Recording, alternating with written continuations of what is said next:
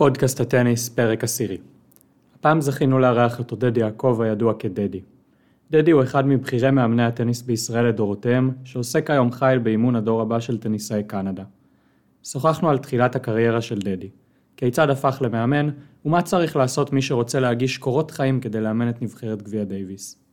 דיברנו על המעבר של דדי לקנדה, על התפקיד המיוחד שהוא ממלא בטניס קנדה, שהיא המקבילה הקנדית לאיגוד הטניס הישראלי, וכיצד התוכנית עזרה לפתח טניסי על כמו ביאנקה אנדריאסקו, דניס שפובלו ופליקס אוז'ה אליאסים. שוחחנו על תופעות מעניינות בטניס העולמי, וכמובן שלא שכחנו לשוחח גם על מצב הטניס בישראל. היה מרתק, ואני מקווה שתהנו.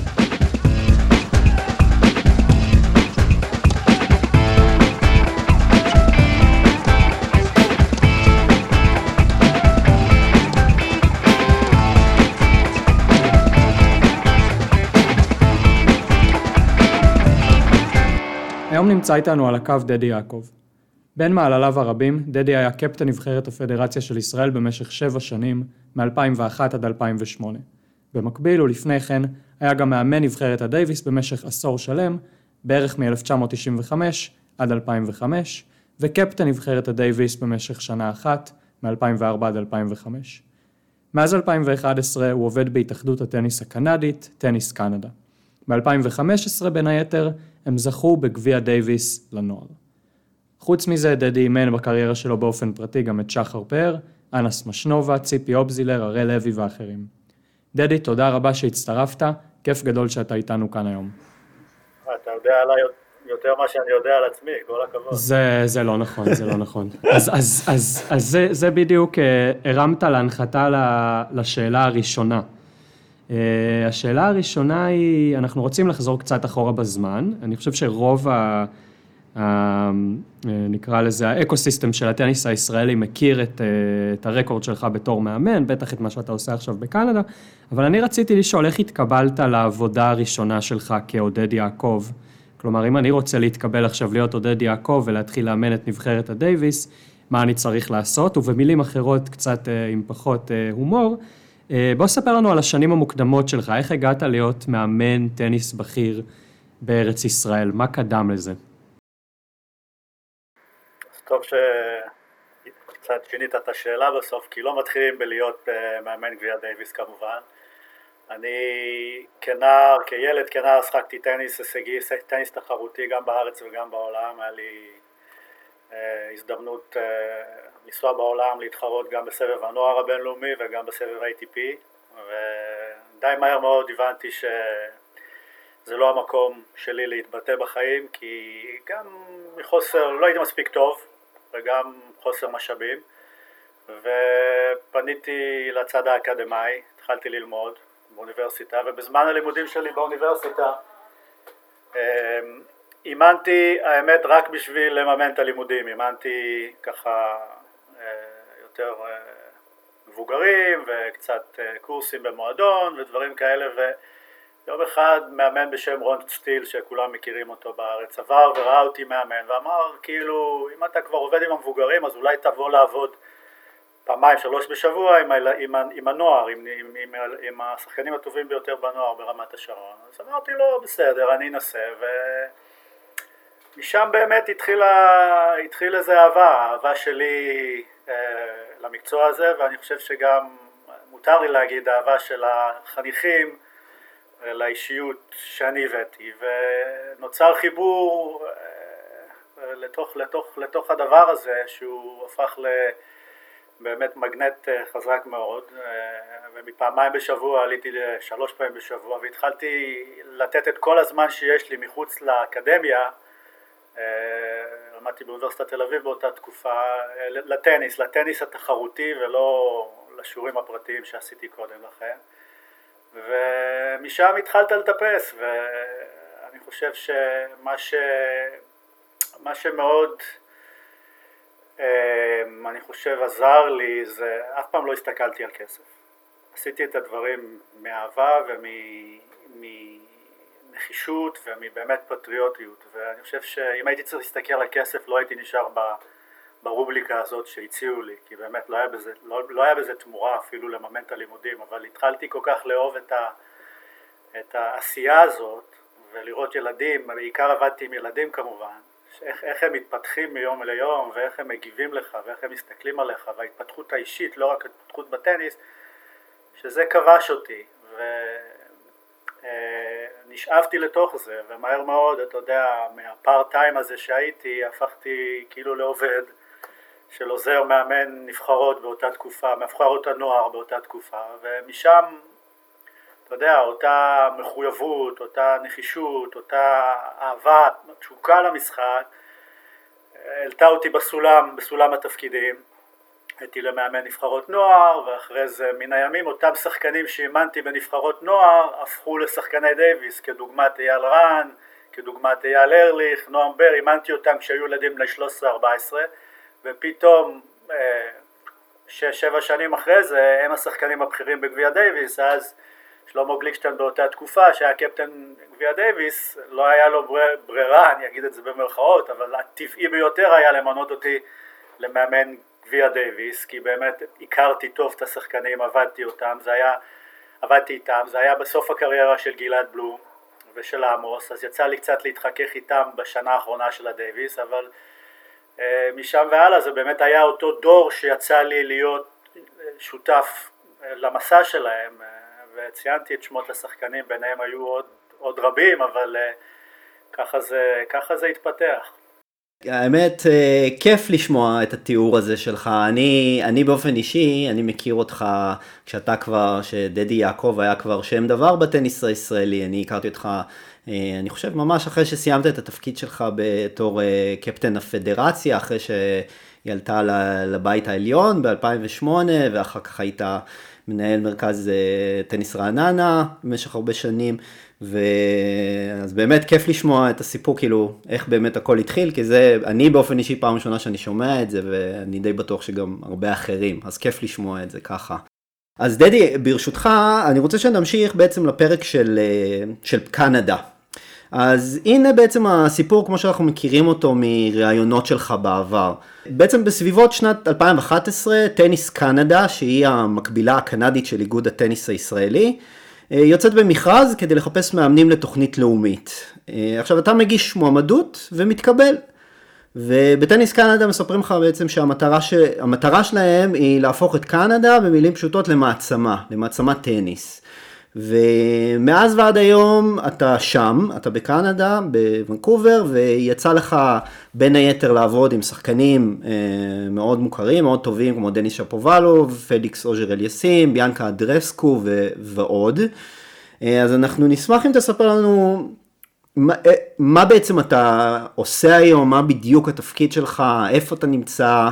אה, מי האנשים שאתה עובד איתם, ובעצם איך, כאילו, אתה כבר נמצא שם תקופה מאוד ארוכה, איך באמת התפקיד שלך התפתח והשתנה לאורך השנים.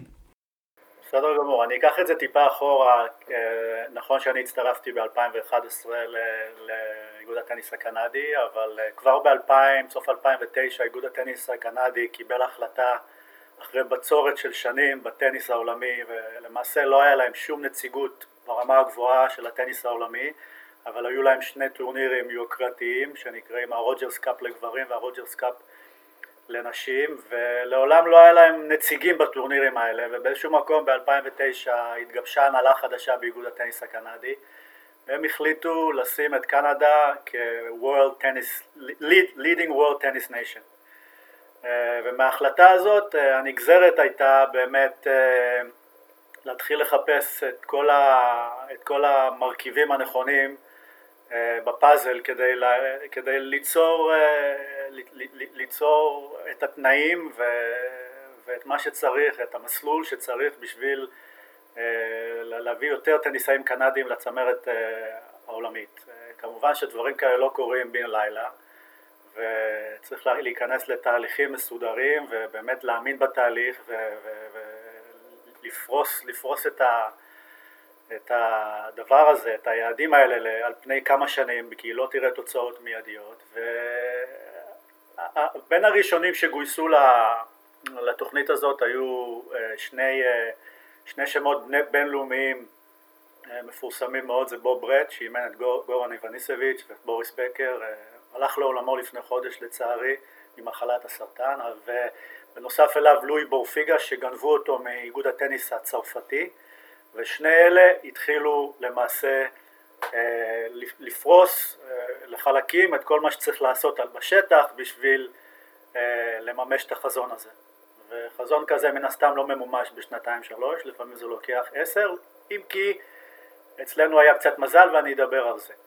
אז מה שהם עשו, הם יצרו תוכנית לאומית, כמו בהרבה מדינות אחרות, שום דבר, לא המציאו את הגלגל פה, אלא פשוט הסתכלו על הגיאוגרפיה של המדינה והסתכלו על מה המדינה הזאת צריכה, מה היכולות שלה מבחינת אה, נגישות למגרשים ומה היכולות שלה בלחפש ילדים ולחפש כישרונות ואיך מכניסים את הכישרונות האלה אה, למסלול הטוב ביותר, המיטבי עבורם, גם מבחינת מאמנים וגם מבחינת, אה, לא יודע, מדעי, מדעי הספורט וכל הדברים הנלווים כדי לתת להם את מיטב ההזדמנויות.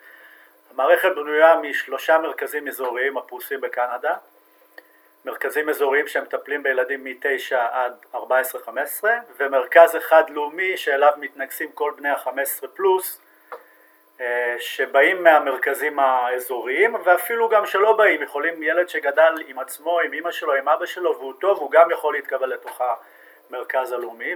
והמטרה שוב במרכזים האזוריים והלאומיים האלה זה להעניק את מיטב התנאים עבור אותם, אותם ילדים מסומנים בכדי להצליח. אה, כמובן במסגרת שמדברת אותה שפה, במסגרת שהיא א-פוליטית במסגרת שהיא על טוהר אה, אה, החלטות ופעולות מקצועיות וזהו, יצאו לעבודה, אני, אני הצטרפתי כפי שאמרתי אחרי שנתיים בזמן שהתחילו להקים את, ה, את, ה, את התוכניות האזוריות האלה ואני אה, אה, נבחרתי להקים את, הנבח, את, ה, את כל מערב קנדה.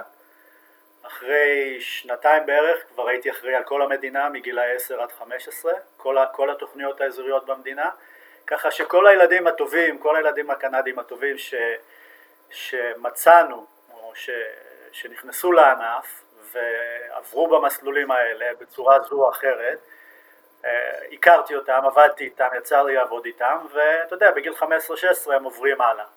עודד, יש לי שאלה, אני, אני מפריע לך אמרת למשל שבהתחלה היית אחראי על מערב קנדה, ובאמת אנחנו יודעים שאתה עכשיו בוונקובר.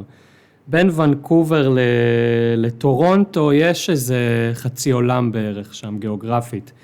אה, אתה יכול לספר לנו טכנית איך זה עובד? אתה, אתה, אתה עושה scouting, נוסע למרכזי טניס נידחים ברחבי קנדה, או שבעצם כל, אה, כל המאמני טניס הקנדים יודעים שיש שלושה מרכזים, ואת החבר'ה הטובים, מה, הם מכווינים לאודישן? אתם, אתם רואים אותם בתחרויות?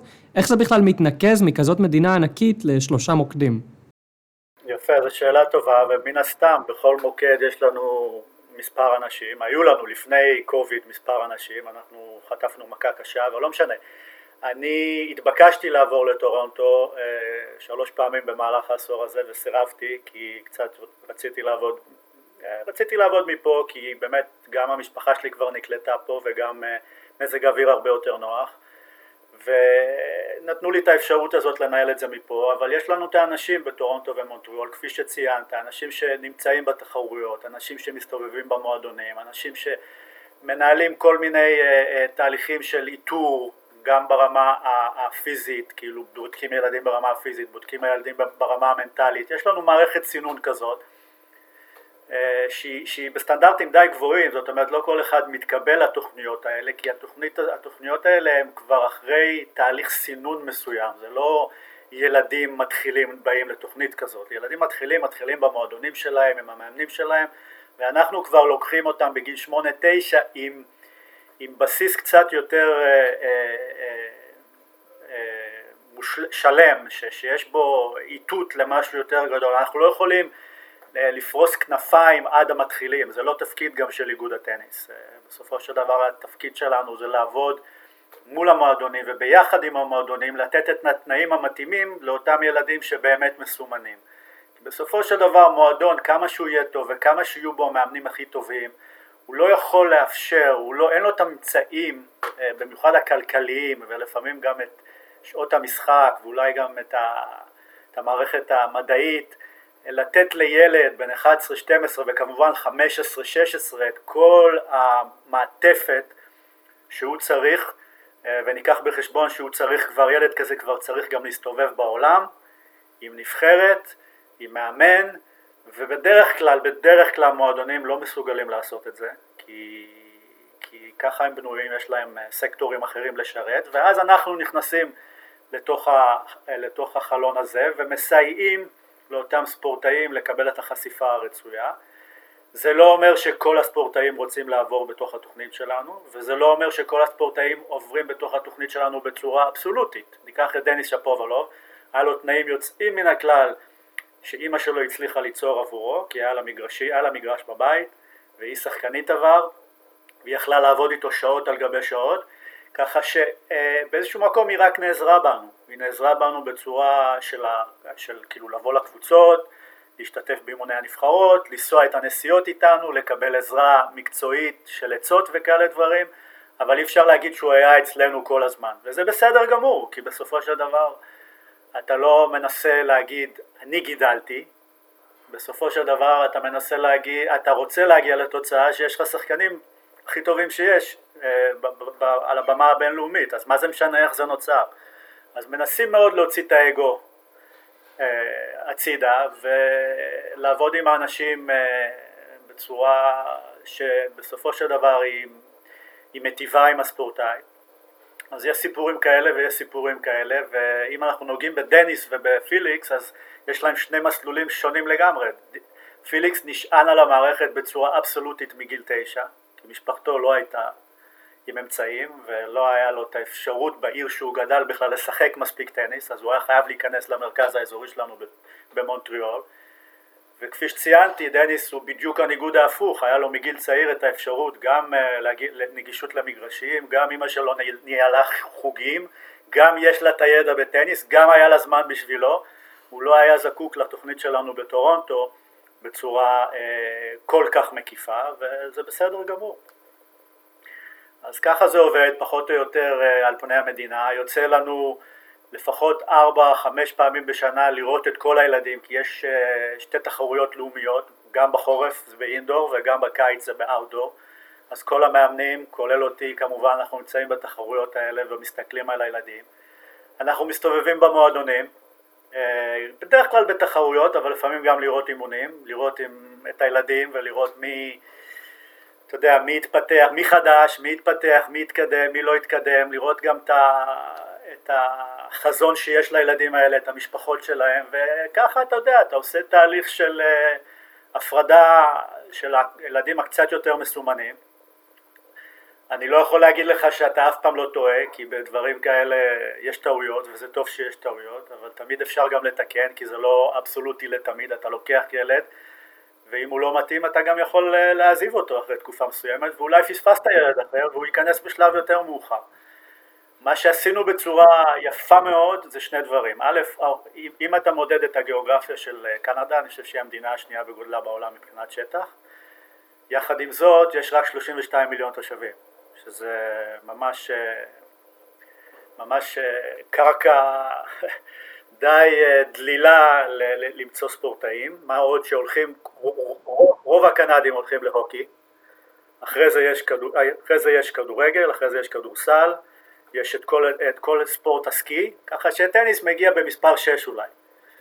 ואני אסבר את האוזן שלכם אה, שאנחנו מתעסקים עם פלטפורמה של בסך הכל אלף ילדים בין גילאי 12 ל-17 שמתחרים בקנדה, סך הכל אלף, זאת אומרת שאנחנו צריכים למצוא ילדים מתוך, מתוך בסיס כל כך צר של ילדים, זה מחייב אותנו לעשות עבודה מדוקדקת באיתור, אבל מחייב אותנו לעשות עוד יותר עבודת פינצטה. זה גם בנים וגם בנות, או שזה רק בנים או רק בנות?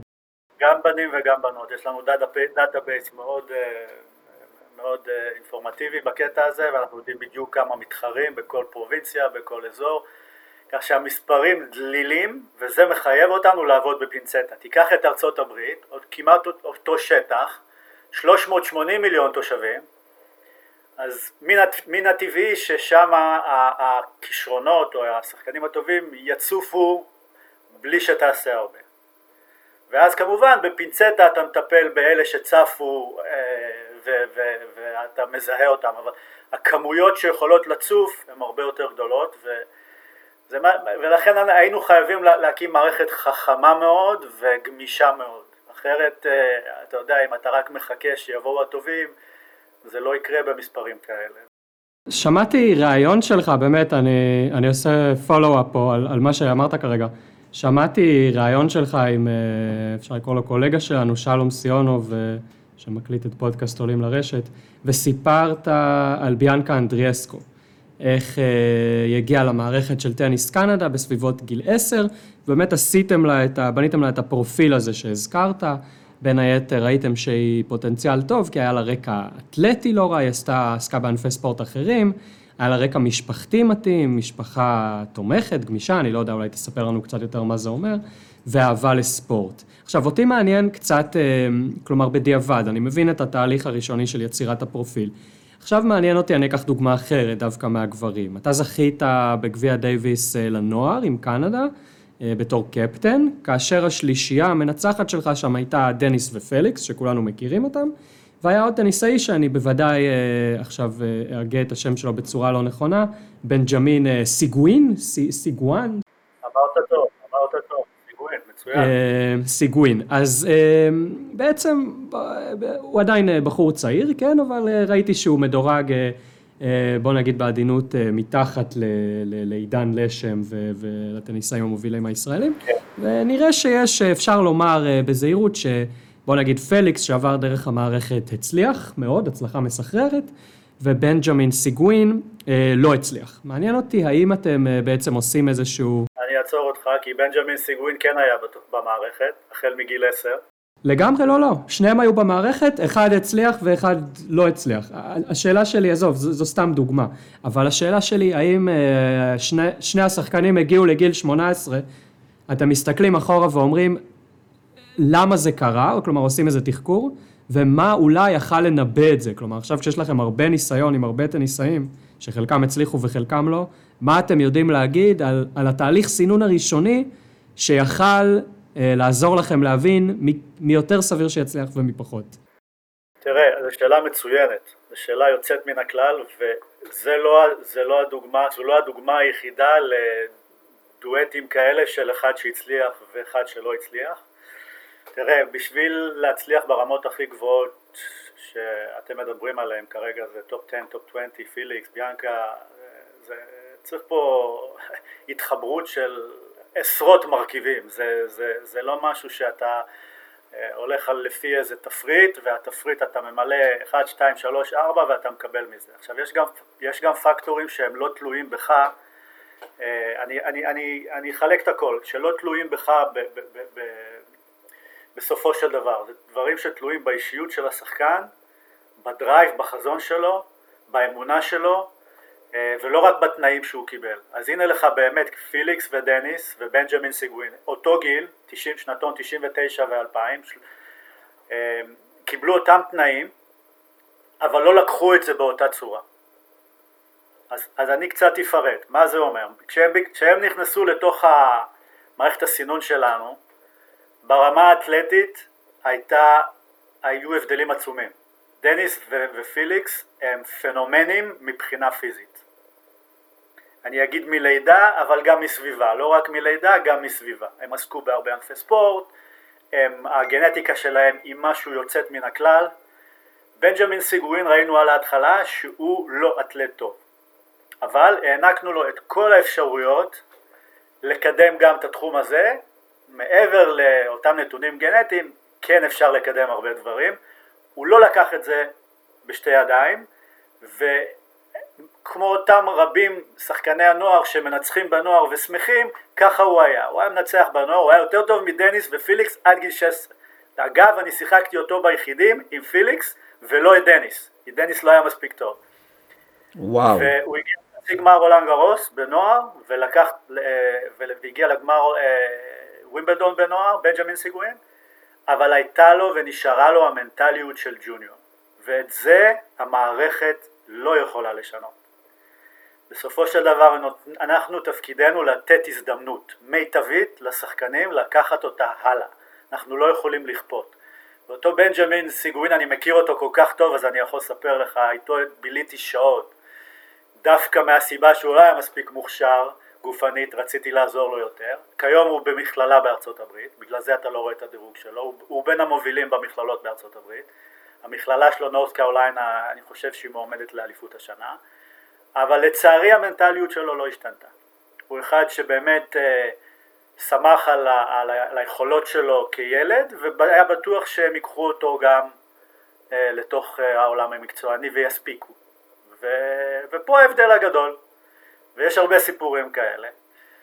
ובסופו של דבר, אתה יודע, יש כמה ספרים שאני יכול להמליץ פה לאנשים שאני קורא היום על, על, על, על מה זה כישרון. כולם ישמחו להמלצות, ואם תמליץ גם אה, נכתוב את ההמלצות אחר כך בפרק ובעמוד הפייסבוק, ונשמח שכל הקוראים ישכילו. כן, אז תראה, הספרות היום מדברת באמת על המילה כישרון, המילה כישרון זה דבר שגם יכול להיות קללה. אבל uh, בהתבסס על uh, הצלחות של ספורטאים גדולים, אנחנו נשארנו פה על סטיב נש, כי סטיב נש הוא מקנדה וההצלחה שלו למרות גנטיקה, למרות uh, הגודל, למרות הכל הייתה מסחררת, זה, זה די ברור שההשקעה והעבודה הקשה יכולה, יכולה לבטא, לבטא את הכישרון בצורה אקספוננציאלית, בחזקה. אבל, אבל כישרון לא, לא, לא יעלה לצמרת בלי עבודה קשה. קח את ניק קיריוס, זו הדוגמה הכי טובה שיכולה להיות. הוא יישאר 20 בעולם כי הוא לא מוכן לעשות יותר מזה. אולי הוא ייתן גיחה וייכנס לכמה ימים להיות טופ 10, אבל זה לא, זה לא משהו קונסיסטנטי. אה, יש, יש בחורה בשם אה, דואק שכתבה את הספר אה, growth mindset ולעומת, אני חייב, אני תכף אני אסתכל, יש לי את זה, ופה מדברים על הקטע של, ה, של, ה, של האפורט, של האפורט לעומת הטאלנט ובעצם האפורט זה הטאלנט, ההשקעה זה הכישרון. ו, וסטיב נש אומר על עצמו כל הכישרון שהיה לי זה היכולת להיות בעשירון העליון העולמי מבחינת השקעה ועבודה, זה הכישרון שהיה לו. אז הוא בא ראשון, הלך אחרון והדביק את כל הפערים, אולי אפילו ניצח חלק מהאנשים שהיה להם כישרון, מה שאנחנו קוראים את הכישרון לידה, אבל לא שמו את ההשקעה ואת האפר. וזה בדיוק חוזר לסיפור של בנג'מין סיגווין. הוא בחור מוכשר בלתי רגיל, שלא היה מוכן לממש את הכישרון הזה תוך אה, דרך ההשקעה. אני חושב אבל שזה גם אבל אה, עניין של כישרון, תגיד, אני לא יודע, מעניין אותי לשמוע מה אתה חושב, אני פשוט חושב שזה כישרון מסוג אחר, כישרון מנטלי, כלומר, אם מסתכלים באמת על הדוגמה שנתת את קיריוס, או אני, אני תמיד אוהב לעשות את ההקבלה בינו לבין נדל. אה, זה, כי זה שתי, באמת, שתי דוגמאות קיצוניות, כל אחד לצד אחר. אז לנדל, אני חושב, יש פשוט כישרון מנטלי אדיר, אני חושב שזה משהו שהוא נולד איתו. כלומר, כמו ששחקנים נולדים עם, אה, עם כישרון פיזי טבעי, כמו קיריוס למשל, אז יש אחרים שמבורכים באמת, לא, זה לא רק עניין של, של עבודה קשה, אלא גם באמת הכישרון המנטלי, היכולת להביא את עצמך ל... למקסם את היכולות שלך באופן מנטלי, לא רק באופן פיזי. אני חושב שזה, כאילו, העבודה הקשה זה משהו שנגזר מתוך הכישרון הזה, אבל אני, אני באופן אישי רואה את זה גם כסוג של כישרון. אני מסכים איתך, רק שהייתי מפריד. הגנטיקה, אני חושב שזה הדבר היחידי שאין לנו יכולת להשפיע עליה, בצורה חוקית. העבודה הקשה זה כישרון, אבל זה כישרון שלדעתי מתפתח מתוך סביבה. יש בו אלמנטים גנטיים, אבל הסביבה יכולה לקלקל אותו, את הכישרון הזה, או להעצים אותו. וראינו את זה גם בישראל. שחקנים ש... שהיה להם את הסביבה המתאימה, הצליחו מעבר למה שבכלל חזו להם. לעומת זאת שחקנים עם כישרון גדול, גנטית, גופנית, ידיים טובות בטניס, שלא היה להם את הסביבה הנכונה, לא הצליחו בגדול. לכן אני אומר, הקטע הזה של אה, של עבודה קשה, זה משהו ש, שמטיפים אותו, גם ההורים וגם המורים בבית ספר, ואחרי זה המאמני טניס, ובכלל זה הטפה לא בדיבורים, זה הטפה בתוך מסגרת, אתה מוקף בזה. וכשאתה מוקף בזה זה מדבק, אז זה מה שאתה יודע. אז זה קל הרבה יותר להשפיע, לדעתי, מאשר, אתה יודע, אם אתה, אם, אתה, אם אתה תהיה מהיר על המגרש או לא, כי פה, פה מדובר גם בדברים פיזיולוגיים שהם קצת קשים אה, לשינוי. זו דעתי בנושא. אני אוסיף אנקדוטה קטנה על זה, כי יוצא לי לראות בשנים האחרונות ספורט ברמה הכי גבוהה, גם מקרוב, אתה יודע, אני נוסע לפעמים לארה"ב לראות NBA ואת ההוקי פה, ויש איזו תפיסה בראש של אנשים, אני יצא לי לראות, יצא לי לשבת באימון של סטף קארי וקווין דורנט בווריורס לפני שנתיים, ויש לאנשים מבחוץ חשיבה, או תשמע הבן אדם הזה נולד קוסם, וזהו, קוסם. אני רוצה להגיד לך שאני הייתי בהלם איך ספורטאים האלה, אה, איך, איך הם לא, לא מממשים את הפוטנציאל, את הכישרון, איך הם מתחזקים את הכישרון האלה. החבר'ה האלה הם סוסי עבודה, מי שחושב שהם מגיעים למשחק וקולעים והולכים הביתה וקונים ורסאצ'ה וקונים זה וזה ונהנים, החבר'ה האלה הם חמורי עבודה, שפשוט ברור. זה העיר לי את הדבר הזה שבאמת כישרון בלי עבודה הוא לא סוסטיינבל, הוא, הוא אולי יבריק בלי הברקות אבל הוא לא סוסטיינבל. אני לגמרי מסכים איתך ואני חושב שכל מי שגם באיזשהו מקום עשה ספורט מקצועני בעצמו באיזשהו שלב בחיים יודע, יודע שכאילו שבאמת לרמות הכי גבוהות אין שום דרך להגיע בלי להיות כמו ש... פשוט בדיוק כמו שקראת לזה, פשוט להיות חמור עבודה. ואני חושב שבספורט שלנו אנחנו רואים את זה נהדר עם, ה, עם השחקנים הכי בכירים של הענף, בעצם הפנים של הענף, אני חושב שרואים את זה נהדר דרך השחקנים האלה. אמ, דדי, אני רוצה לקחת אותך טיפה קדימה לשאלה טיפה יותר רוחבית, שגם כן אבל קשורה באמת לנושא שהרגע דיברנו עליו. אז אם אנחנו ניקח רגע לדוגמה את אה, צרפת, ספרד ואיטליה, אז אין בעצם של... דוגמאות לשלוש מדינות שמצליחות לאורך זמן לייצר אה, עומק, עומק של שחקנים בטופ העולמי. עכשיו, מה נדרש כדי להקים פס ייצור עומקי ורוחבי של שחקנים בטופ, ו, ומעניין אותי לדעת באופן ספציפי במה קנדה בגישה שלה שונה מישראל בהיבט הזה. כלומר, אם עכשיו ישראל מגדירה שהיא רוצה אה, חמש אה, שחקניות וחמישה שחקנים בטופ 300, אה, שזה היעד ל-2025 בוא נגיד. אז לא יודע, במה זה שונה בעצם מהיעדים שקנדה מציבה ובמה בעצם שונים הכלים וגם הגישות של מה ש, ש, שעושים בקנדה לעומת מה שעושים בישראל כדי באמת להצליח להביא את המטרות האלה ו, ובאמת לממש אותן. אני חושב שהתחלתי להגיד בנקודה מסוימת באחת השאלות הקודמות שראיתי הרבה אה, קווי דמיון בין ישראל לקנדה כשהגעתי לקנדה, היו הרבה קווי דמיון, אני אגיד לך למה, כי לא קנדה ולא ישראל לפחות לפני עשור קנדה, לא נחשבו למדינות ליבה של טניס ולא נחשבו קרוב למדינות הליבה של טניס, אני צריך להגיד את זה ככה, קרוב למדינות הליבה. המדינות שאתה ציינת עליהן, אותן צרפת, ספרד, איטליה, אתה יודע, זה מדינות של הליבה של הטניס, מרכז אירופה, זה מסורת ארוכת שנים, זה גרנד סלאמים, זה, זה הרבה, הרבה שחקנים שחוזרים לתוך לתוך מסלול האימון ו- ו- ו- ומעבירים את הידע ואת, ואת הערכים ואת ה... ככה שיש המשכיות בלתי רגילה, גם, גם במדינות האלה יודעים אה, להתייחס ולכבד את המאמנים, לכבד את המאמנים ש, ש, שמסיימים את עבודתם, לשים אותם כיועצים, יש כמות בלתי רגילה של תחרויות במדינות האלה, בלתי רגילה בכל הרמות, אה, תחרויות של סתם פרייז מאני, תחרויות של אה, צעירים, תחרויות של ITF, תחרויות של צ'לנג'רים, אה, אבל גם הרבה תחרויות לוקאליות של ליגות של מועדונים ויש המון המון המון המון תחרות, המון תחרות. ותחרות שהיא עמוקה, זה לא תחרות, לפעמים במדינות קטנות כמו ישראל וקנדה, אותם שחקנים משחקים נגד אותם שחקנים כל שבוע. זה לא המצב במדינות אירופה, זה לא המצב בדרום אמריקה, זה לא המצב בארצות הברית, יש לך מגוון של שחקנים שמשחקים וזה בעצם מפתח להם עוד ועוד ועוד צדדים כי בסופו של דבר תחרותיות מגוונת מחזקת אותך ומחשלת אותך ועושה אותך ספורטאי יותר טוב. זה אחת הבעיות שיש לנו בישראל וזה אחת הבעיות שהייתה לנו בקנדה ויש לנו אותה בגדול, אין לנו מספיק מתחרים. עכשיו, אנחנו כאן בקנדה היינו צריכים, כפי שציינתי, לייצר מערכת חכמה עבור זה. ומערכת שתיתן מענה גם לדבר הזה, ולכן רק להביא יותר תחרויות לקנדה זה לא פתר את הבעיה. ההפך, התרגלת לרמה מאוד נמוכה כי אתה משחק נגד המקומיים.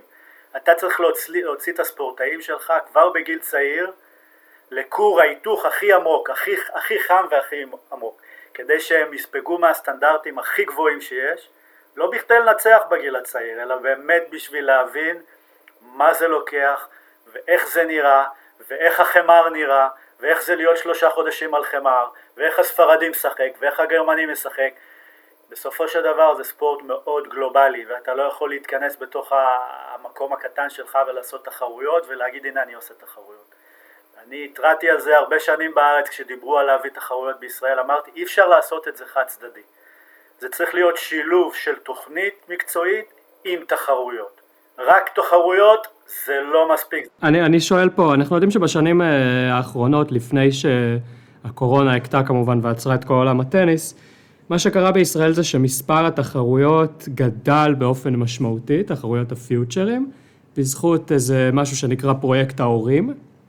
כלומר ההורים אימנו מספר די גדול של תחרויות, נדמה לי שהגענו לאיזה 12 פיוטרים בשנה, שזה די, זה מספר ענק יחסית ל... 18. 18, גברים ונשים או רק גברים? לא משנה, מספר גבוה מאוד של תחרויות ביחס לגודל של, ה, של הביצה הישראלית המקומית. אתה בעצם אומר לנו שזה לעשות חצי עבודה וזה לא מה שהולך להביא שחקנים ישראלים לצמרת.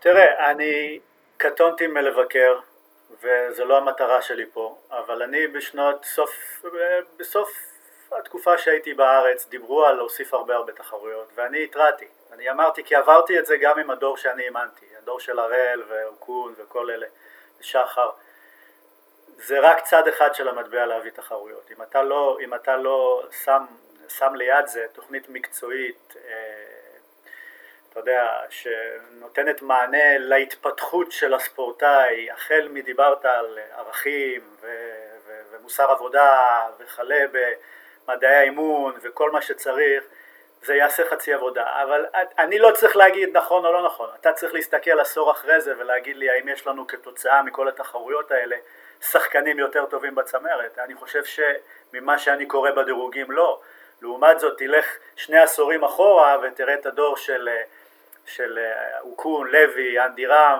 וזה עשרות של שחקנים, ליאור מור, נועם בר, אייל ארליך, היה פה תוכנית מקצועית, אולי מובילה בין המובילות בעולם, בישראל, כן בישראל, ולצידה תפרו תוכנית תחרויות שהייתה מתאימה לצרכים של אותם ספורטאים, וזה הסוד פה, וזה מה שאנחנו עושים בקנדה, אנחנו לא סתם זורקים תחרויות פנימה לקלנדר, אנחנו עושים את זה בצורה שמתאימה לצרכים של אותה שנה של הספורטאים שלנו, וזה משתנה לשנה לשנה, וזה הסוד פה, כי uh, טורקיה כבר 40 שנה, אני זוכר שהייתי מאמן צעיר, הייתי נוסע עם כל הילדים שלי לטורקיה, הם זרקו ושפכו תחרויות כמו אין מחר, 52 שבועות בקלנדר מפוצצים בטורק... ב... יש להם שחקן בטופ 100? לא היה להם 30 שנה וגם לא יהיה להם. כי יש פה גם בעיה מקצועית וגם בעיה תרבותית. אז הם הפכו את, ה... את הקטע של התחרויות שלהם גם לעסק, שזה בסדר גמור, אבל בין זה לבין לפתח מדינה מובילה בטניס העולמי, לא עושים את זה ככה. יוון היא דומה לה, והיום שארם א-שייח דומים לה, וקנקון דומים לה. זה משהו אחר, הם עשו, הם עשו ביזנס מהסיפור הזה שזה לגיטימי לחלוטין וזה לא משרת את, ה...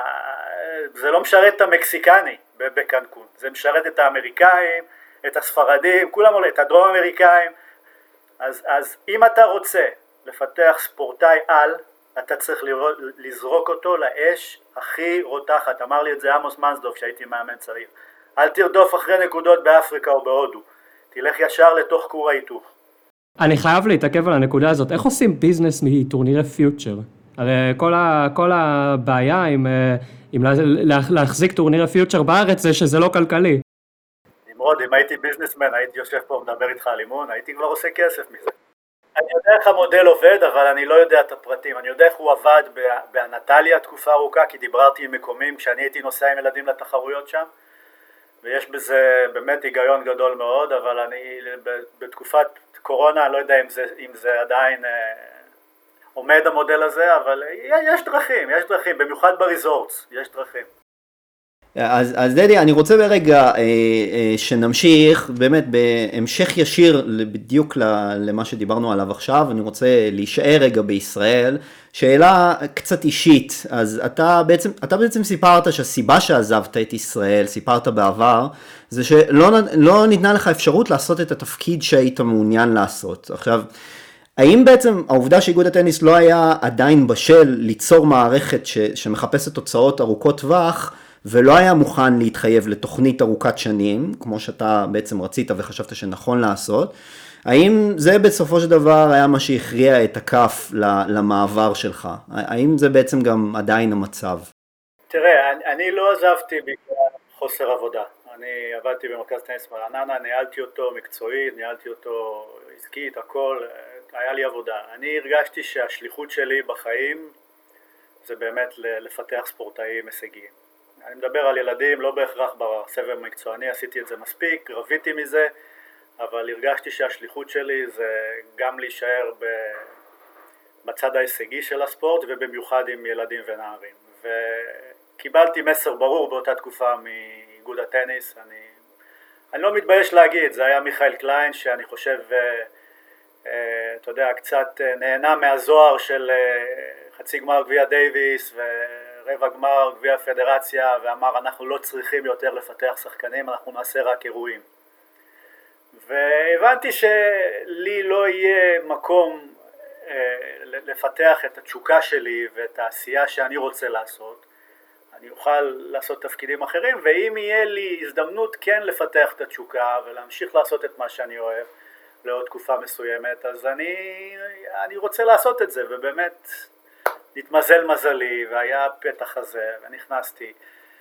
וזה נתן לי, כן, זה נתן לי סיפוק, אני חושב שלעבוד עם, אה, תראה, לעבוד עם, עם מקצוענים ושחקנים שכבר מוכנים זה הרבה זוהר, זה הרבה תקשורת, זה הרבה נוסעים אה, לתחרויות מדהימות והם לוקחים אותך במרצדס ואתה יושן במלונות, זה משהו אחר, אני עשיתי גם את זה ונהניתי מהתקופה הזאת אבל התמורה שאתה מקבל כשאתה עובד עם ילדים, כשאתה עובד עם ילדים הישגיים, היא תמורה לא פחות גדולה מבחינה נפשית, אם לא יותר גדולה. אתה מגדל אנשים צעירים, עזוב אם הם יהיו שחקנים או לא, אתה מגדל אנשים צעירים, אתה נותן להם כלים לחיים, אתה נותן להם ערכים. קודם כל צריך לבנות את זה לפני שאתה בונה לפור, את הפורן בקאנד שלהם. הפורן בקאנד שלהם יהיה יותר טוב אם בנית נכון את הפירמידה. ואני חושב שאני זכיתי בחיים שגם אני כנראה יודע ללמד את זה, אבל גם כי היה לי את החיבור הזה עם ילדים ישראלים כבר בגיל, בגיל צעיר כשהייתי מאמן, וניתנה לי ההזדמנות לעבוד עם כל כך הרבה ילדים שהם היו מדהימים, לא כולם נהיו שחקנים, אבל זה נתן לי הרבה, אה, נתן, נתן לי הרבה סיפוק ו, ו, ורצון לעוד. אז אה, זה איך שאני רואה את הדברים. ומכאן אנחנו נעבור למשהו אחר לגמרי. אה, אנחנו נתנתק קצת מעודד יעקב אה, המאמן בקנדה ושאימן בישראל, ואני רוצה לקחת אותנו לטניס העולמי באופן כללי. אה, ולשאול שאלה שהיא, רואים אותה, את הנושא שאני אדבר עליו במיוחד בטניס הקנדי, ואני רוצה לשאול על סוג הטניסאים שאנחנו רואים שמגיעים היום לצמרת מהנוער.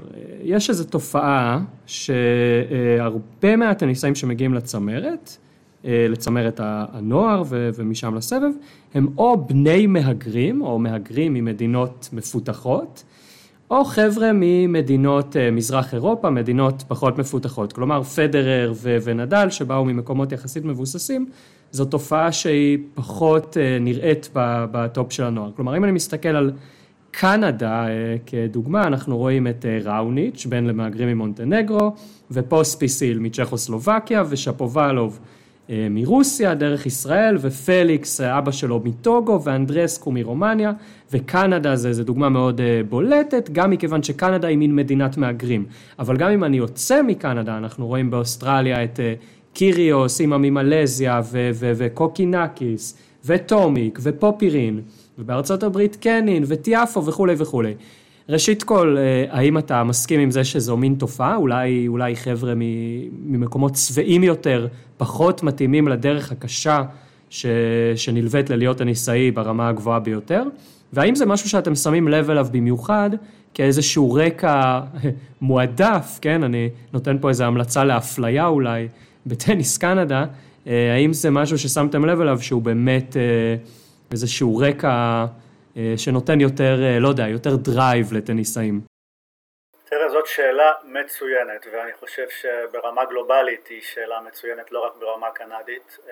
אני חושב שזו שאלה למחקר סוציולוגי, אנתרופולוגי בהחלט, זו שאלה למחקר. אני, אני קושר אותו בכמה דברים. אני לא חוקר את הדבר, אבל דברים שאני רואה ואני מתחיל להבין יותר על, הלייפסטייל, על סגנון החיים של אנשים בעולם עם הטכנולוגיה ועם הטלפון וכל הדברים האלה. אני חושב שהעולם, הילדים בעולם, בכל מקום בעולם, התרגלו לאינסטנט. התרגלו באמת, בלחיצת כפתור אתה משיג את כל מה שאתה רוצה בחיים היום, במיוחד בעולם המערבי.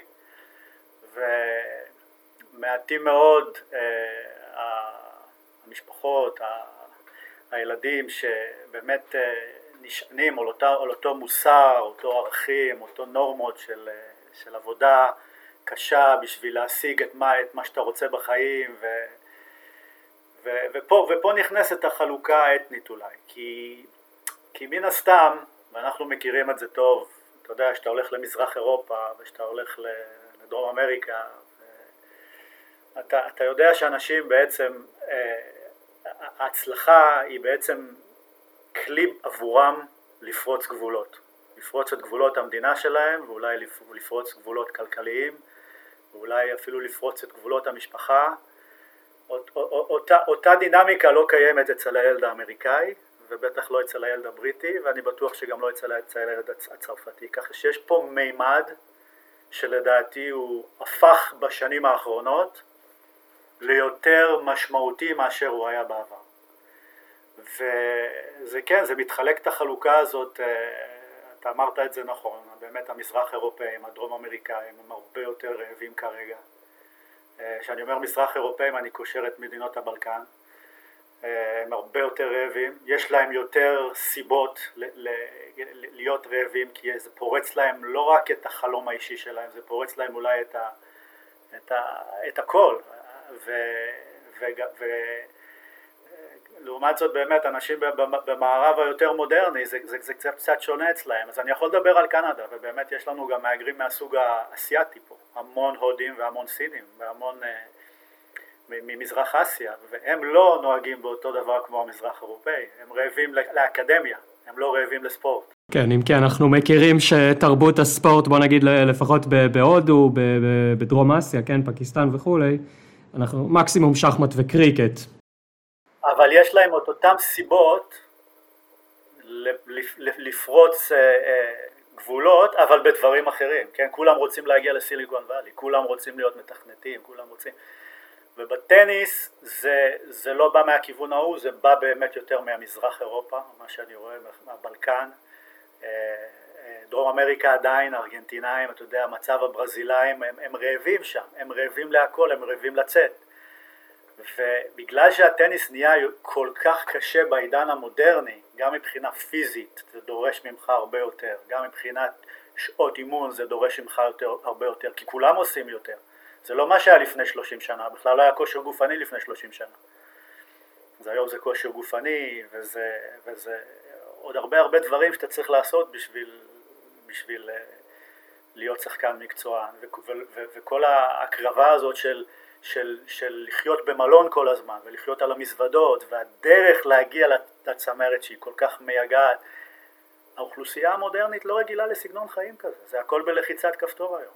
וזה משאיר את הבודדים האלה שבאים מתרבויות שההורים מחנכים בגיל צעיר, אתה, אתה גם מנגן מוזיקה היום וגם אתה עושה כדורעף היום וגם אתה עושה טניס היום ואתה עושה את זה ואחרי זה אתה, אתה, אתה גם מתחרה בזה ואתה יודע, יש להם את הדרישות התרבותיות האלה הגבוהות ואני בהחלט רואה את זה אצלנו. אני לא, אני לא אגיד שחס וחלילה אני בוחר ילדים ככה, כי תשמע, גזעני אולי קצת, אבל...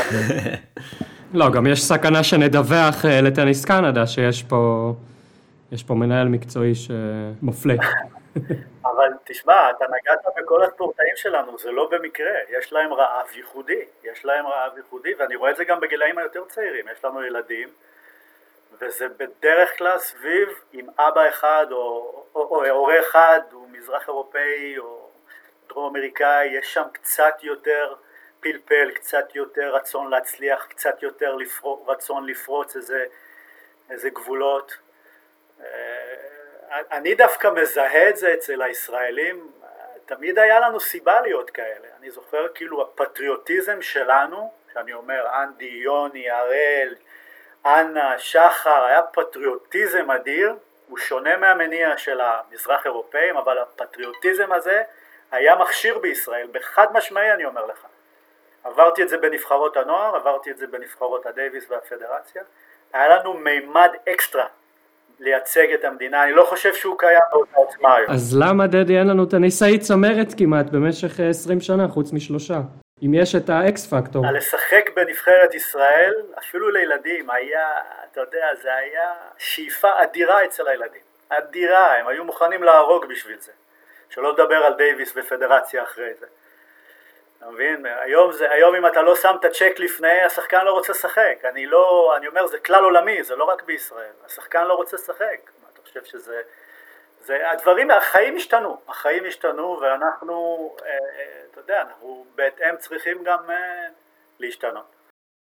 דדי, דיברנו באמת בעיקר עליך, אני רוצה לשאול אותך עכשיו כאילו באמת באופן כללי, שתספר לנו לא באופן כללי, באופן ספציפי, סליחה. אה, מה, מה בעצם, אה, א', מה קורה עכשיו באמת בהקשר של הקורונה בקנדה, ומה קורה באמת בהקשר של, אה, של הקורונה ושל הטניס בקנדה, ובאופן פרטני לגבי אליפות אוסטרליה, האם היו איזה שהן היערכויות מיוחדות, כל העניין של הבידוד של השבועיים, האם לקחתם את זה כפקטור, איך, איך באמת כל הטרללת שעוברת על העולם בזמן האחרון משפיעה עליכם אה, ב, ביום יום? אני אתחיל אה, באופן כללי, הקורונה בקנדה מתייחסים אליה בשיא הרצינות. אה, המדינה הזאת עברה איזה שני סגרים, כרגע יש במונטריאול וטורונטו סגר. אנחנו כפופים מאוד להחלטות ממשלה וקיום תחרויות אצלנו לא היה, לא היה לנו תחרות בינלאומית אחת מאז תחילת הקורונה, זאת אומרת שנה. ניסו לעשות תחרויות ברמה הלוקאלית, עיר, עיר, עיר בעיר. זה, זה צלח ולא צלח, אז אה, בהתאם לתקופה, בהתאם לכמות המאומתים, פתחו וסגרו. השחקנים פה, אנחנו כמובן כאיגוד לא מוציאים מהמדינה, גם, גם כי אין לנו, אין לנו אנחנו לא, לא חושבים שזה הדבר המסר הנכון כרגע, כאיגוד להוציא למדינה, וגם תשמע, יש סגרים ואתה יכול, לנהל, יכול למצוא את עצמך בתחרות עם מאמן וארבעה ילדים ואתה פתאום סגר או מישהו חולה מה שכן, יש אינדיבידואלים שנוסעים עם ההורים שלהם, זה אנחנו לא יכולים לעצור, וזה בסדר, יש אינדיבידואלים שנוסעים עם ההורים שלהם. אני מדבר עכשיו יותר בנוער, תכף אני אגע בבוגרים. ככה שזה היכה בנו חזק מבחינת תחרויות, מבחינת אימונים אה, היו עליות וירידות, אבל מצליחים להתאמן. מצליחים להתאמן הילדים, אבל באמת כמה אפשר להתאמן, וזה לא פשוט, כי אין לך אתגרים, וכמה אתה יכול להחזיק את כולם ככה. אז זה באמת תקופה מאוד מורכבת, אבל גם אני חושב שזה שיפר אותי, למשל, אני מרגיש שהשתפרתי בתוך, בתור מאמן בתקופה הזאת של הקורונה, כי הייתי צריך לייצר הרבה דברים חדשים, גם בתכנים וגם מחוץ לקופסה, כדי לשמור על ספורטאים צעירים עם מוטיבציה, עם הנאה, אולי לטפח צדדים אחרים שכרגע לא קשורים לאימון, למשל הנושא המנטלי, נתתי המון המון מרכיב מנטלי דרך זומים ודברים כאלה עם אנשי מקצוע, השגתי המון, המון עזרה של השחקנים הבכירים שלנו בלדבר עם הילדים, אז עשינו זומים קבועים עם פיליקס ועם דניס ועם דברים כאלה. אז המצאתי את עצמי קצת מחדש, באימונים אני עושה יותר תחרויות, בתוך האימון, הדריל של גדי זה הפך להיות הדריל הקנדי, אני כל היום עושה את הדריל של גדי, כי זה באמת אה, מכניס ככה מוטיבציה. מה זה הדריל של גדי? תספר למאזינים שלא בקיאים.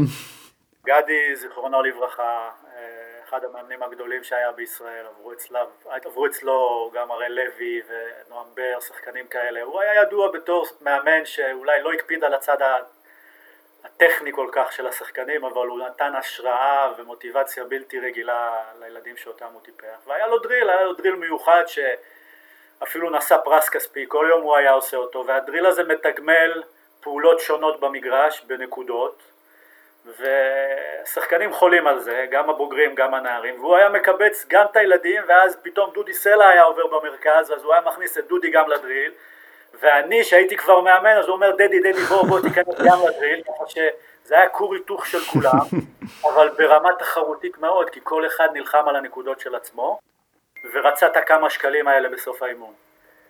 ובאמת היה בשבילי איש מדהים והדריל הזה אני חושב שחוגגים אותו פעם בשנה במרכז הטניס ברמת השרון לזכרו של גגדי והיום חוגגים אותו בקנדה.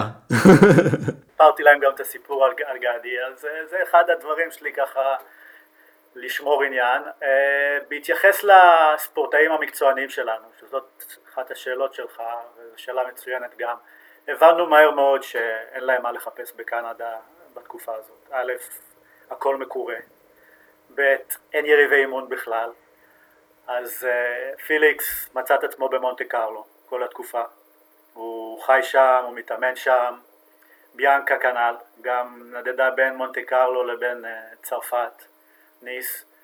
אה, פיליקס יש לו בסיס בפלורידה וגם בברמודה, סליחה לא פיליקס, דניס, בסיס בפלורידה וגם בברמודה.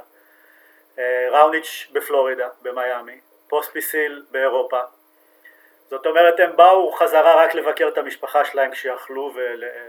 יודע, במהלך כל התקופה הזאת, אבל את, את, את מירב העשייה שלהם כרגע, אה, גם לילה פרננדס בפלורידה. שזה גם חתיכת קושי מנטלי, להיות מנותק מהבית שלך כל כך הרבה. זה קושי מנטלי, אבל יחסית, אתה יודע, זה די, פלורידה זה שלוש שעות טיסה מטורונטו או מונטריאול, ובאמת אתה מקבל שם את מיטב האפשרויות, הכלי, מלא מגרשים, כל סוגי המשטחים, יחסית הם לא היו בסגרים, אין להם סגרים, אז היה הרבה חופש פעולה בפלורידה, אז הרבה מהשחקנים אה, באמת בילו שם אה, שעות, אה, ותראה, הבכירים הם נוסעים עם אנטוראז', הם לא לבד, זה לא שחקן נוער, אז ביאנקה נוסעת עם, האימא שלה גם נוסעת איתה, והמאמן כושר, והמאמן טניס, ופיליקס כנ"ל, אז הם לא מרגישים את הבדידות הזאת כמו שמרגיש שחקן שהוא במאה השלישית או הרביעית שצריך עכשיו להתמודד עם כל מה שקורה פה והוא נוסע לבד, בטח לא עם מאמן ולא רואה את המשפחה שלו, ולא יכול לחזור כל שבוע לבקר כי כספית זה לא מתאפשר, אז הבדל שונה בצד. שיש לכם גם כאלה לפי מה שאתה מתאר, שיש לכם גם לא מעט כאלה. יש לנו כאלה, תראה המסלול פה זה עוד דבר מעניין, ילד שמגיע לגיל 18 עומד בפני החלטה לא קלה ושתי הצדדים אטרקטיביים, זה המכללה או זה להמשיך בסבב. ואני רוצה להגיד לך שהאחוזים של אלה שהולכים למכללה הוא הרבה יותר גבוה מאלה שממשיכים בסבב. זאת אומרת שילד בן 17-18 שלא נגע בטופ 200, 200, 250, 300 הוא הולך ב-100% לקולג'. אם הוא טופ 200, גם ילדה. אז יש כאלה שימשיכו לעשות את המקצועני, אבל גם יש כאלה ב-200-250 שבוחרים את הקולג'. למה הקולג'? א', לפלטפורמה תחרותית יוצאת מן הכלל. נכון שזה לא ניקוד בינלאומי, נכון שזה לא ATP WTA, אבל אתה משחק מלא מלא מלא משחקים. בתנאים יוצא מן הכלל, יש לך מעטפת לארבע שנים, מעטפת טוטאלית, החל ממעטפת אה, אה, מדעית, רפואית, קבוצה, מאמן, עוזר מאמן, זה בעצם יכול להוות עבורך קאש קפיצה לסבב בעוד ארבע שנים, או שלוש, היום גם מאפשרים לך לצאת באמצע הלימודים לסבב. החוק מאפשר לך לצאת אחרי שנתיים. אז אם אתה מרגיש שהשתפרת ואתה רוצה לתת לזה ניסיון, אתה עוזב אחרי שנתיים וחוזר אחרי זה להשלים את הלימודים שלך. ככה שמבחינת צפון אמריקה זה, זה, זה מסלול מאוד מאוד מאוד אטרקטיבי. ואנחנו רואים יותר ויותר, במיוחד בנות, יוצאות משם אחרי המכללה ועושות קריירה. אה, יש כמה אמריקאיות שם שנמצאות עכשיו, דניאל קולינס שעשתה University of Virginia והיא עשתה חצי גמר באוסטרליה. אז, אה, אז בפני הקנדי עומד, ה, עומד ההחלטה הזאת והרוב הולכים באמת לקולג' אז אין לנו המון שחקנים אני מוכרח לציין שמסתובבים בסביבות ה-400, 300, 400, 500 שהם מתחרים. יש אבל לא יותר מדי. חבר'ה שלנו באוסטרליה כרגע אז באמת יש שם, אה, יש שם כמה נציגים, יש שם ארבעה, חמישה נציגים גברים ונותרו שלוש נציגות בנשים אה, בגברים לא נדבקו בקורונה, בקורונה ראוניץ', לא נדבק בקורונה פיליקס, לא נדבק בקורונה דניס, לא, ושק פוספיטין נדבק בקורונה, הוא בבידוד. אוי אוי אוי, עכשיו? לא, הוא מסיים כבר. נדבק בקורונה או היה על הטיסה של ה... שמישהו נדבק בקורונה? תיקנת אותי טוב, היה על היה על הטיסה. כן. לא, כי חשבתי שיש לנו סקופ בינלאומי. כבר לא, אה, לא. רציתי לרוץ לטוויטר ולכתוב, נודע הזהות של השחקן שנדבק וכולי. הוא היה בבידוד מוחלט, ובנשים יש לנו את ליילה פרננדס, שהיא גם בבידוד מוחלט, היא הייתה גם על אחת הטיסות, יש לנו את גבי דברובסקי שהיא השחקנית זוגות בטופ, בטופ חמש, סליחה, יש את ביאנקה אנדרסקו כמובן, שהיא בבידוד, היא והמאמן שלה, המאמן שלה הוא confirmed, אז זה כבר בתקשורת, המאמן שלה סילבן ברונו, כן. הוא confirmed case, אבל היא לא נדבקה, אבל היא היא הייתה בטיסה עם אזרנקה, נכון? אני חושב, כן. ויש לנו תופעה נוספת שלי היה חלק גדול בזווית שלה, זה שחקנית בת 30, רבקה מרינו, שלפני עשור הייתה 30 בעולם, ועכשיו עשתה קאמבק. היא גרה בוונקובר, ואני ליוויתי אותה כל התקופה הזאת של העשור הזה, שהיא יצאה למעשה מ- מדיכאון קליני קשה מאוד וחזרה לשחק, והסיפור שלה זה סינדרלה, שהיא נסעה לאוסטרליה, עברה מוקדמות, ועכשיו היא ממתינה שם, היא לא בבידוד, היא מתאמנת, והיא חזרה בגרנד סלאם, אז זה גם סיפור יפה. זה, אז זה באמת סיפור סינדרלה מקסים. אה, דדי, בוא, בוא נתעכב רגע על סיפור הסינדרלה, האם כבר uh, אתה העלית את זה, כי אנחנו לא עלה בדעתנו לשאול, מה, מה החלק שלך בסיפור הזה? אני זוכר את ה... נדמה לי שהיא uh, יצאה גם, ב, הייתה איזו כתבה מקיפה, או ש, שהיא כתבה, נכון? באיזה בלוג, שהיא סיפרה על הדיכאון. Uh, תספר לנו מה קרה, איך, איך היא חזרה לסבב. ב-2011 כשהגעתי לפה, היא מוונקובר, היא גרה ממש לידי, והיא הייתה השנה הכי טובה שלה בסבב, היא הגיעה לדירוג 38 בעולם, והיא שקעה בדיכאון, אה, דיכאון קשה. ב-2012 ביקשו ממני, לא ידעתי, לא ידעתי את, את החומרה של הדבר הזה, כי לא סיפרו לי כולם, אבל ביקשו ממני לעבוד איתה פה כשהיא נמצאת בוונקובר, ואחרי מספר אימונים הבנתי שמשהו לא בסדר, אתה יודע, ראיתי שאמוציונלית והיא נשברת והיא בוכה ובקיצור היא הפסיקה לשחק והיא היא נכנסה לדיכאון קשה. ובמשך אה, ארבע חמש שנים היא ניסתה לשקם את עצמה לא בטניס, בחיים, רק בחיים בלבד, היא שכחה מטניס, היא עזבה את הטניס והיא הלכה לאוניברסיטה והיא ניסתה ללמוד, ובקיצור היא עברה תהליך שיקום קשה מאוד ולא פשוט לה, יש לה TED Talk מצוין דרך אגב, TED Talk זה כאלה פודקאסטים של רבע שעה שהיא מדברת על התהליך שהיא עברה. נדאג למצוא ולשים קישור בפודקאסט שכל המאזינים ישמעו. כן, אז ב-2017 היא, תמיד שמרנו על קשר, היא באה אליי ואמרה לי, אתה יודע, אני, אני רוצה אולי לעזור לך קצת לאמן את הילדות הצעירות וקצת, אתה יודע, לשמור על עצמי בספורט, אני לומדת באוניברסיטה ופתחתי, כמובן פתחתי, פתחתי לה את הדלת ובשמחה כי הידע שהיא מביאה מהטניס והניסיון הוא עשירי מאוד ובמהלך כמעט שנה היא הייתה באה פעם, פעם, פעמיים בשבוע ובאמת מכה עם הילדות הצעירות ופתאום שנה אחרי זה היא אומרת לי תשמע אני ממש בבכי אני חייבת להתוודות בפניך אני, אני רוצה לשחק.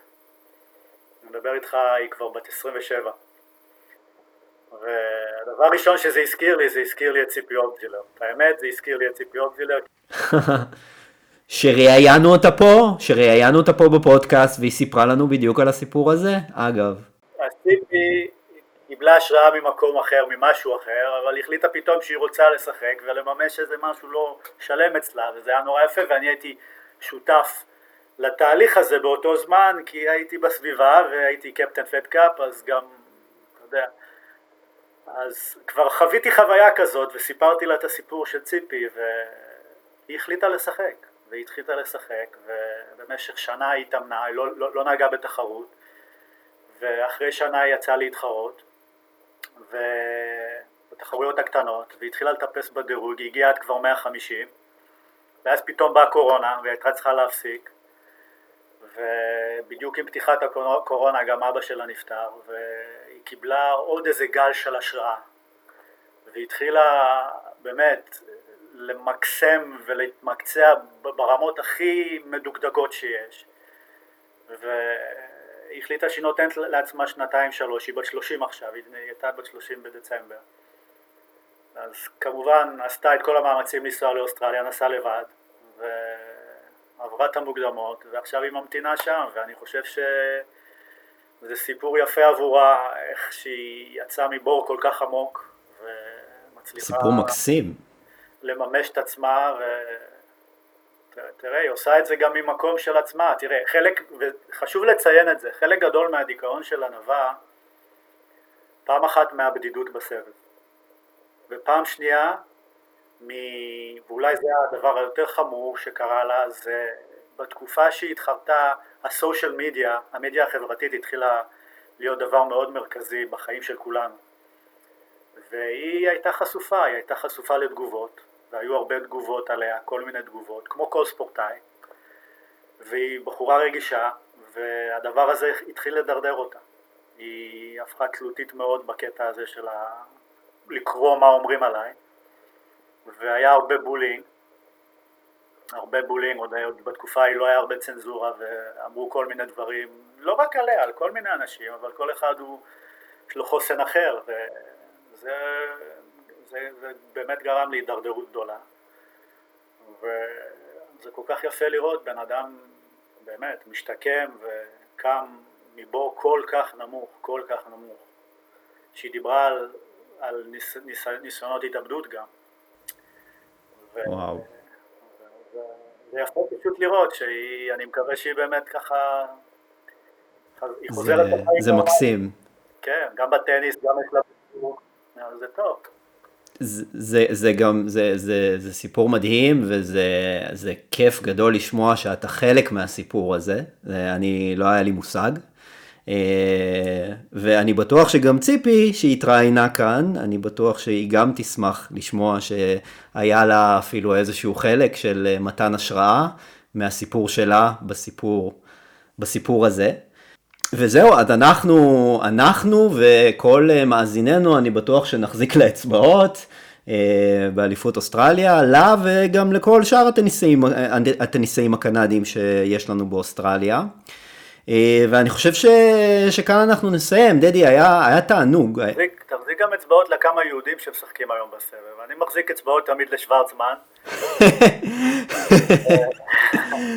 לא רק לקנדים, יש יהודים, יש כמה שיהודים סביבו. שוורצמן לא צריך כל כך להחזיק לו אצבעות, הוא מסתדר בעצמו, גם בלי האצבעות שלנו, הוא עושה חיל. כן. אני מקווה גם באוסטרליה, הוא יותר, כאילו, כן, הוא, כן, היו לו גם לא, לא מעט הצלחות על הארד קורטס בזמן האחרון, אז אה, כן, אני מקווה, כל עוד הוא לא, כל עוד הוא לא אה, נפגש בדרך עם נדל, מצידי שבאמת שיעשה חייל וינצח את מי שבא לו. אמ, אז דדי, קודם כל אני רוצה להגיד לך שא' כיף לראות, לראות אותך שוב ולשמוע ממך, וגם נראה שסך הכל שאתה באמת אה, טוב לך במקום שאתה נמצא בו ובתפקיד שאתה עושה, וזה ממש כיף לראות את זה. ואנחנו ממש ממש מודים לך, היה רעיון מעולה ומרתק ומעניין. ו... וזהו, לא, לא נותר לי עוד uh, מה להגיד חוץ מתודה רבה. תודה רבה לכם, ליבי בישראל והגעגועים גדולים, אבל נחזור לשם יום אחד. גם ליבי בישראל, אגב, בקור פה בברלין, גם לגמרי, גם ליבי בישראל כרגע. אני בישראל וליבי בכל מיני מקומות בעולם שלא הייתי בהם שנה, אבל uh, אתם יודעים. כל אחד והלב שלו. כן. טוב, חברים, תודה, תודה רבה. תודה לכם, כל טוב.